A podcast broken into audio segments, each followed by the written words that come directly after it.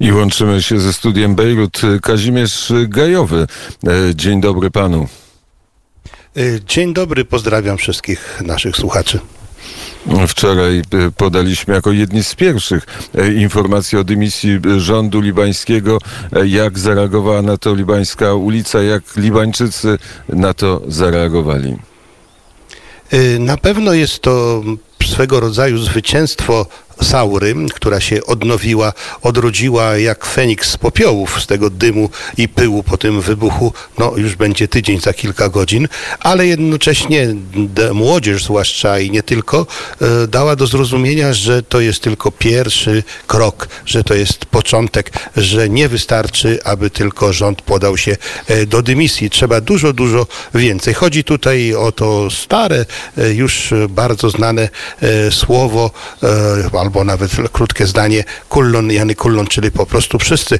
I w tej determinacji y, o dziwo wspomaga bardzo e, prezydent dużego kraju europejskiego, czyli Francji, bo w rzeczywistości, kiedy tutaj bardzo szybko, bo praktycznie na drugi dzień e, po wybuchu pojawił się na ulicach e, Bejrutu, był radośnie przyjmowany przez tych, którzy demonstrowali. Tu bym troszeczkę panią Lasotę poprawił, że nigdy Liban nie był kolonią w ścisłym tego słowa znaczeniu. To był mandat, mandat Ligi, Ligi Narodów do utworzenia państwa e, w Syrii i w Libanie, co nie znaczy, że też nie było pewnego rodzaju opresji i że Libańczycy się z tym mandatem do końca zgadzali, ale na pewno to, że nie był kolonią Liban, to to sprawiło, że rzeczywiście do dzisiaj e, no, szuka pomocy u swej mamy, jak to niektórzy nazywają i rzeczywiście e, Dał do zrozumienia, że wróci do Libanu i to wyznaczył datę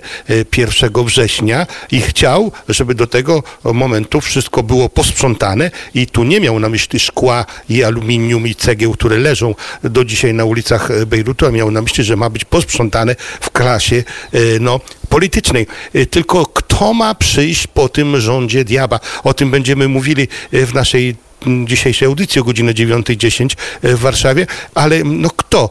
Mówi się tutaj, ludzie mówią, dziennikarze mówią, że Macron chciałby powrotu Saada, Saada Harirego, to jest ten pan, który był synem e, zabitego to, Rafika Harirego i był już kilkakrotnie min, pierwszym ministrem, czyli premierem i e, łączy go jakaś taka powiedzmy przyjaźń, a może też zaufanie, a to słowo w tej sytuacji e, no, e, całkowitego braku zaufania e, na świecie, jeżeli chodzi o władzę tutaj w Libanie, to zaufanie przynajmniej do jednego człowieka, chodzi tutaj o Harirego, e, no dobrze wróży moim zdaniem, no bo nie, nie, nie wskrzesimy w ciągu paru sekund, w ciągu paru dni, a nawet miesięcy nowej klasy politycznej. Do tego trzeba lat, czyli w tym e, złym, powiedzmy, koszyku różnych możliwych wyborów, to chyba ten wybór na Harry'ego byłby najlepszy, bo jeżeli będzie miał poparcie e, od Macrona, a, Macrona, a co za tym idzie na pewno od pani Merkel, a co za tym idzie być może od całej Europy i może też przekonają Amerykę, to to, co jest najbardziej potrzebne, e, żeby dać taki nowy zryw, nowy nową nadzieję do poprawy przede wszystkim najpierw sytuacji ekonomicznej, przede wszystkim w odbudowie Bejrutu, bo przede wszystkim o to teraz chodzi o tej e, wielkiej e, polityce, o sytuacji w Libanie będzie e, mówił Kazimierz Gajowy i jego gości o godzinie 9.10 w Radiu Wnet w studiu Liban, ale teraz pytanie na temat polskich strażaków, którzy tuż po wybuchu udali się do Bejrutu, do stolicy Libanu. Czy jakieś informacje na temat ich działań są?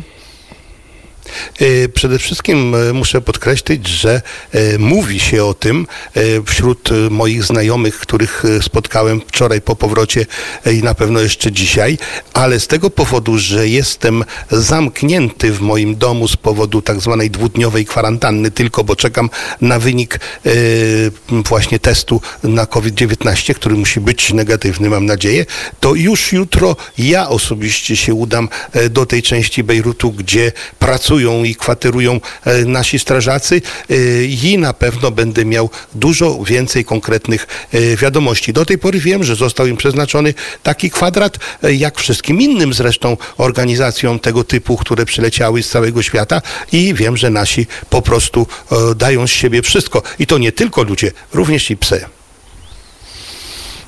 E, te informacje w takim razie jutro e, w Radiu Wnet, najnowsze i świeże źródłowe informacje e, z Libanu. Powiedzmy, czy już udało się zorientować, do kogo popłynie część pomocy zebrana przez Fundację Fenicja?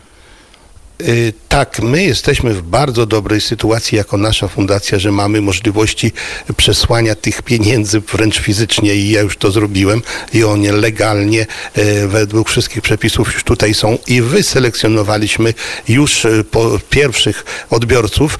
Chodzi o to takie osoby, takie rodziny, którym nikt nigdy nie pomaga. No, pierwsza osoba to jest wdowa mieszkająca bardzo blisko tego wybuchu na dzielnicy Aszrafije, to jest dzielnica chrześcijańska, e, która e, tracąc wszystko praktycznie straciła chęć do życia.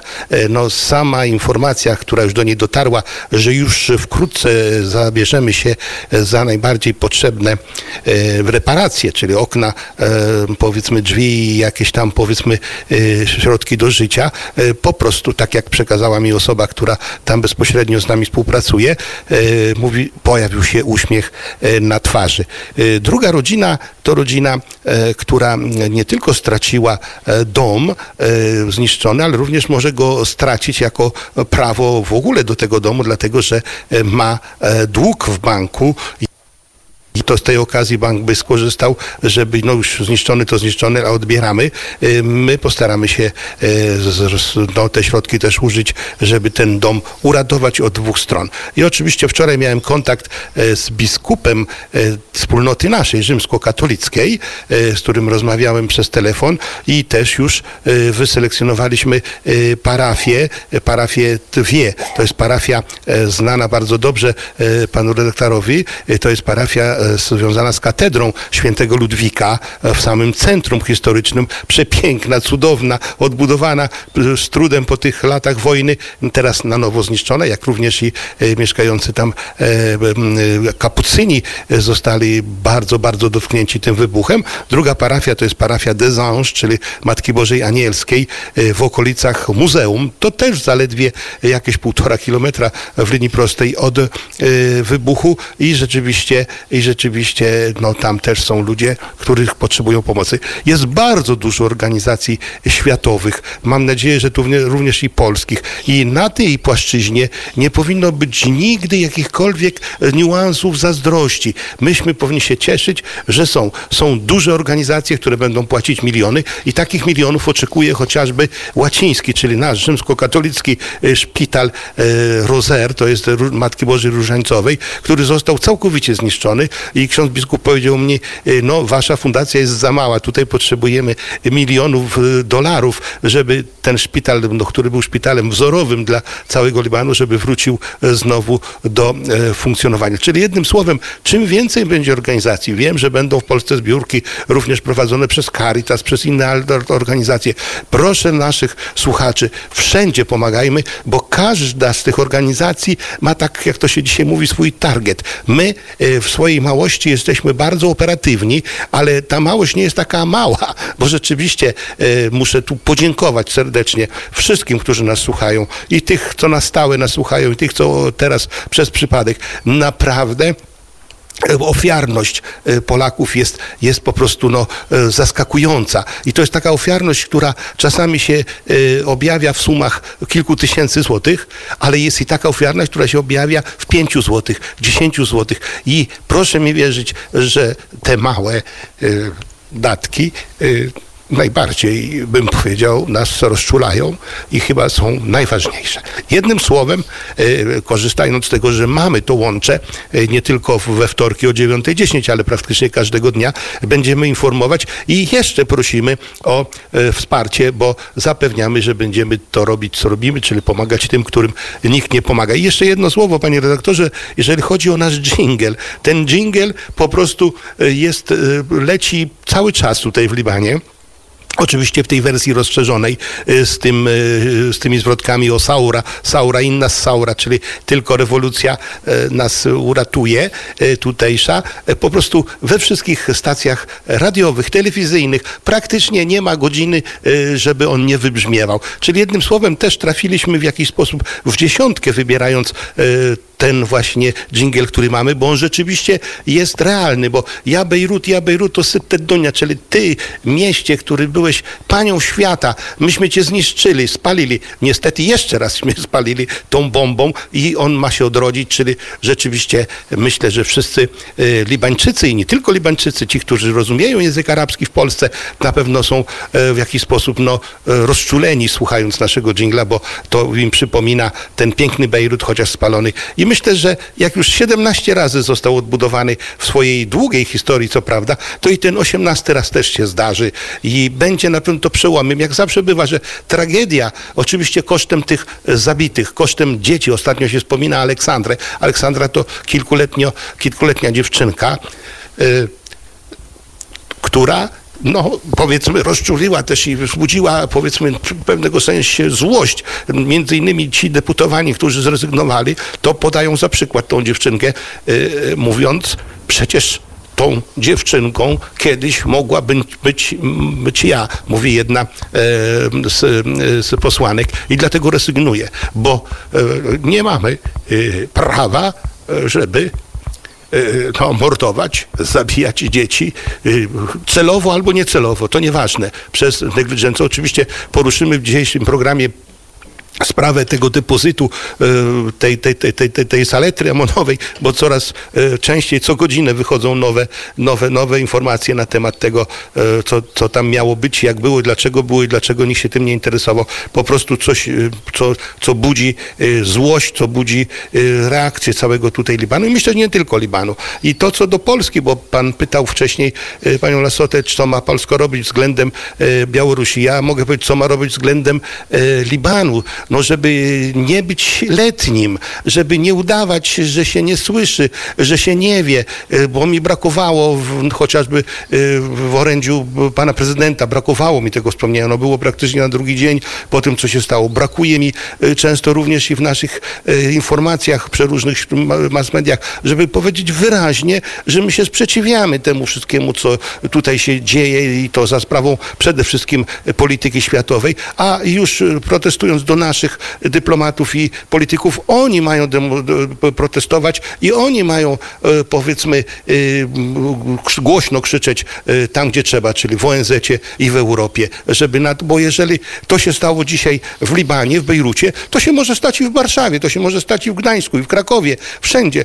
Zresztą nasze chociażby porty, które przyjmują gaz, które przyjmują paliwa, przecież w dzisiejszych możliwościach dronów, nie dronów, kto by chciał nam zaszkodzić, a wiemy, że są tacy tacy niestety i to wcale niedaleko od naszego kraju, to musimy wzmocnić też taką obronę. Dzisiaj uważam, że takie miejsca jak e, powiedzmy Płock, jak Gdańsk, jak Świnoujście powinny być strzeżone tak jakby to była e, wojna, powiedzmy, e, najstraszniejsza, jaka może być. Musi to być, musimy być, być mądrzy przed szkodą. Musi to być nauczka. Z jednej strony musimy e, pomóc właśnie Libanowi w ten sposób, żeby się odrodził, bo Liban jest potrzebny. Liban jest potrzebny jako przykład kraju, gdzie żyją muzułmanie i chrześcijanie. I że na co dzień, jeżeli się wielka polityka światowa w to nie wtrąca, to oni żyją pokojowo. Ja tu jestem 30 lat. Ja w moich szkołach miałem po 50% chrześcijan, po 50% muzułmanów tam się e, rodziły przyjaźnie, tam się rodziły e, naprawdę wspólne projekty i do dzisiaj e, mam po jednej i po drugiej stronie przyjaciół. I nie mogę powiedzieć, że to jest jakiś, e, powiedzmy, blok, który nie pozwala nam razem żyć. I świat, który będzie i który prawie już jest, to będzie taki. Ja uważam, że być może w przyszłości e, prezydent takiego kraju jak Polska, to oprócz tego, że powinien władać bardzo dobrze angielskim i francuskim, to prawdopodobnie również też i arabskim, bo e, to będzie potrzeba. W tym kierunku idziemy. My mamy demografię taką, jaką mamy. Tutaj, zwłaszcza w rodzinach muzułmańskich, rodzi się po dziesięcioro i więcej dzieci i wiemy, jaki, jaka będzie przyszłość świata.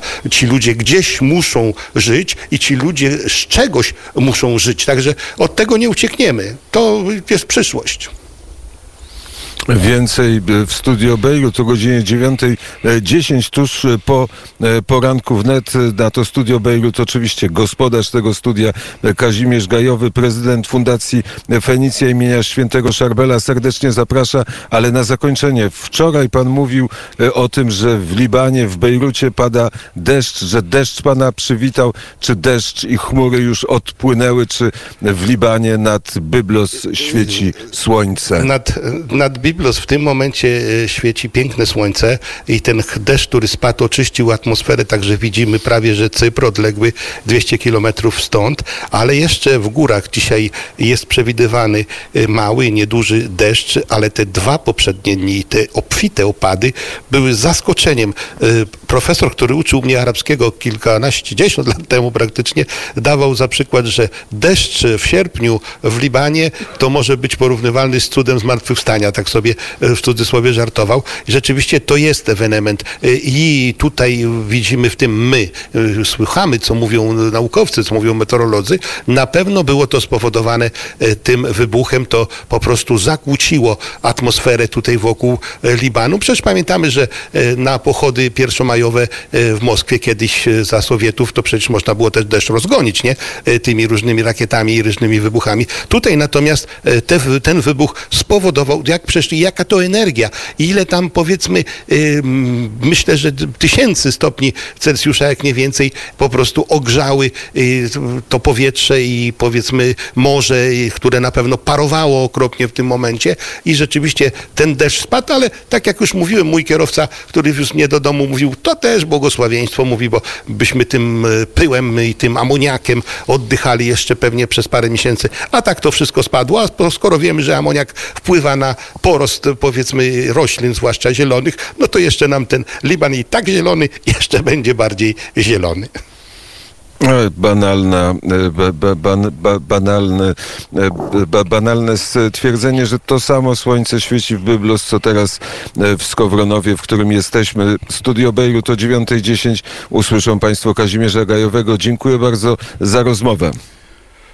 Dziękuję bardzo i podam, że będzie też e, wiceprezes naszej fundacji, pan Adam Rosłoniec i przede wszystkim no, wyrósł nam ekspert Bliskiego Wschodu, pan, pan Paweł Rakowski, on też będzie e, obecny. W studiu Bejrut o 9.10.